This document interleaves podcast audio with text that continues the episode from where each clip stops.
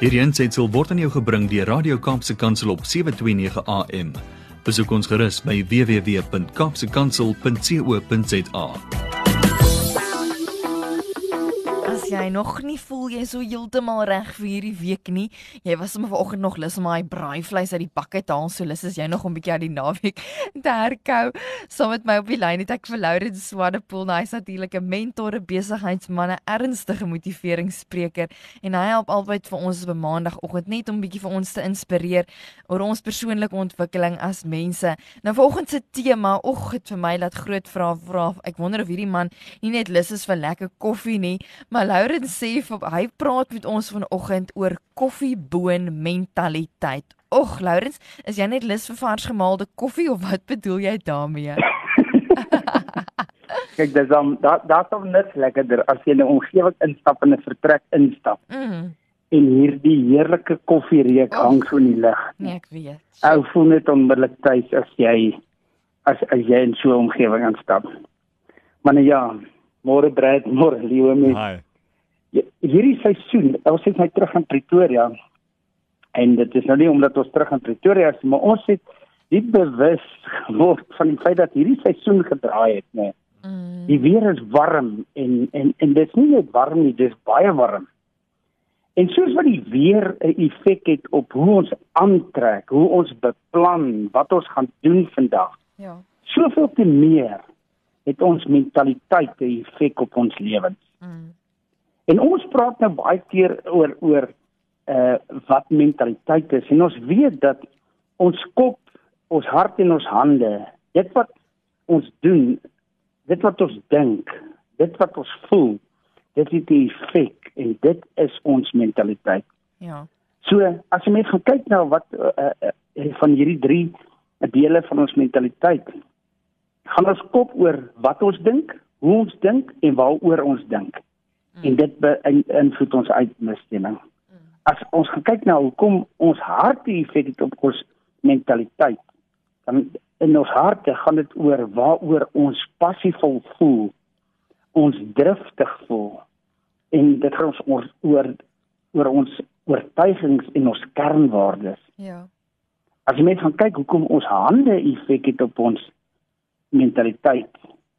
En dan weet ons dat denke verander en gaan oor in woorde. Woorde gaan oor en dit maak nou nie saak of dit woorde is wat op papier geskryf word of woorde wat verbaal geuiter word nie, mm. maar woorde gaan uiteindelik oor in aksies en aksies gaan oor uiteindelik in patrone en in gewoontes. En die waarheid is dat ons patrone, ek en jou gewoontes bepaal ons uitbestemming. Ja. Maar baie van ons het beleidingsprobleme ons hart en ons hande en en en ons kop is nie die regte beleiding nie. Hulle is nie in lyn met mekaar nie. Mm. Baie van ons, my kop is nie in wat ek doen nie. Hoeveel keer hoor ons my kop is nie in wat ek doen nie. Ja. Of ek doen my werk, maar my hart is nie in dit wat ek doen nie. Ehm um, en en dit maak dat ons hierdie beleidingsprobleme beleef en en ek wil vandag regtig weet as as mens kyk na na ons ons hande dan sien jy dat mense weet jy ek het hierdie pragtige planne en ek is verskriklik opgewonde maar ek bly uitstel en ek is konstant met hierdie uitstel en ek skuif dit net aan en aan en aan en ek doen nie die goeders wat ek beplan nie. Mm.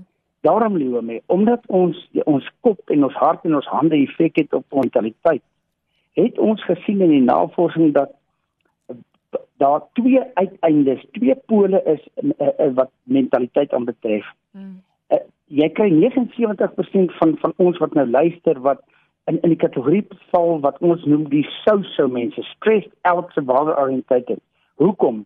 Want die dinamika in ons lewens kan beskryf word deur oorlewing. Hmm. Ek oorleef my werk, ek oorleef my finansies elke maand ek oorleef my huwelik, ek oorleef uh, verhoudings. En ons raak tipies dan die hosa weekenders waar ek hierdie week regtig net 'n oorlewingsstryd stry en dan uiteindelik kom die naweek aan wat ek kan doen waarvoor ek 'n uh, lus is.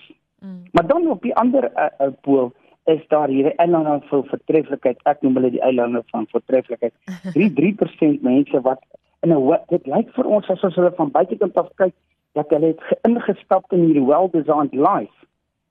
Maar die sensor mense is daar waar hulle is want want as as jy in in hulle teenwoordigheid gekom is het, dan kom jy onmiddellik agter dis die slagoffers. Hulle het nie meer drome nie. Hulle het 'n negatiewe mindset en uh, daar's geen groei of dit nou groei in verhoudings, groei in hulle geestelike lewe. Groei in die fisiese of finansiële. Mm. Maar as jy kyk na die inhoud van vertreffelikheid, dan kom woorde op soos purpose, doelgerig en hulle vat verantwoordelikheid en 'n groei is deel van hulle. Mm. Maar nou ek wil hierdie ehm um, koffieboon uh metafoor wil ek nou uitbring en en ek wil vir elke persoon wat nou luister vra en aandag hulle moet aandagtig luister want ek gaan oor drie goeders praat. Ek gaan oor 'n wortel, 'n eier en koffiebone praat. Sjoe. Nou uh, ek het op 'n uh, uh, ek was deel van 'n groot konferensie uh, en ek hoor iemand praat oor hierdie storie en hierdie storie het vir my so 'n groot impak op my lewe gemaak en en ek ek vertrou en ek weet dit gaan net so 'n groot impak maak op die wat nou gaan hoor. Ja. Daar word vertel hierdie groot konferensie word uh, oor leierskap en mentaliteit gehou en uh, hierdie man kom ingestap en hy sê hoorie so maar hy gaan eintlik net 'n praktiese demonstrasie leef hy gaan uh, doen dit gaan nie vreeslike lang sessie wees nie, maar uh, hy kan ver, hy kan ons verseker dat uh, die die impak van wat hy gaan doen gaan vir ewig by jou bly. En en uh, op die verhoog kom maar nou drie groot potte, né? Nee?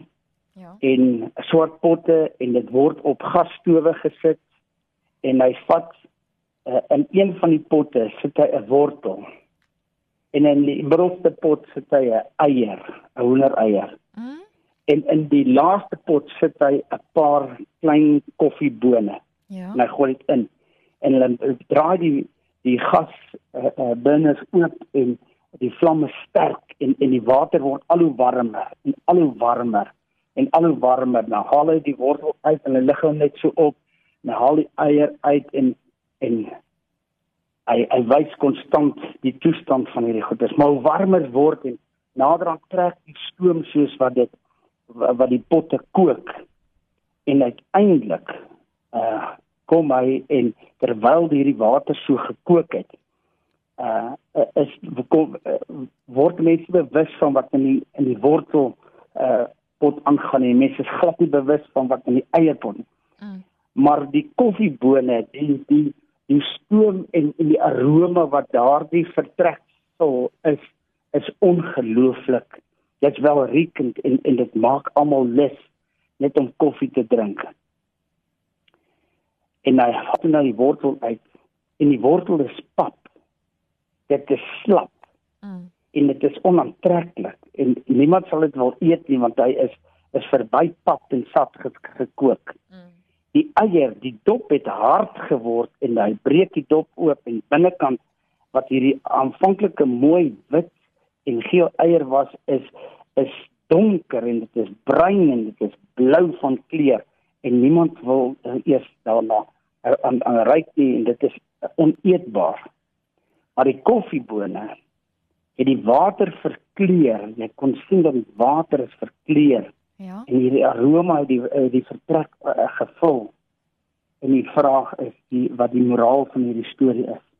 Sommige van ons het hierdie wortelmentaliteit. Wanneer dit goed gaan, mm. kan ons bydraes maak. Maar wanneer die omstandighede warm word, dan is dit asof ons slaap raak en ons het geen ruggraat nie. Mm. Dit is asof ek, my omstandighede my verlam en ek kan nie vorentoe beweeg nie en doelgerigtheid is nie deel van my omgewing nie.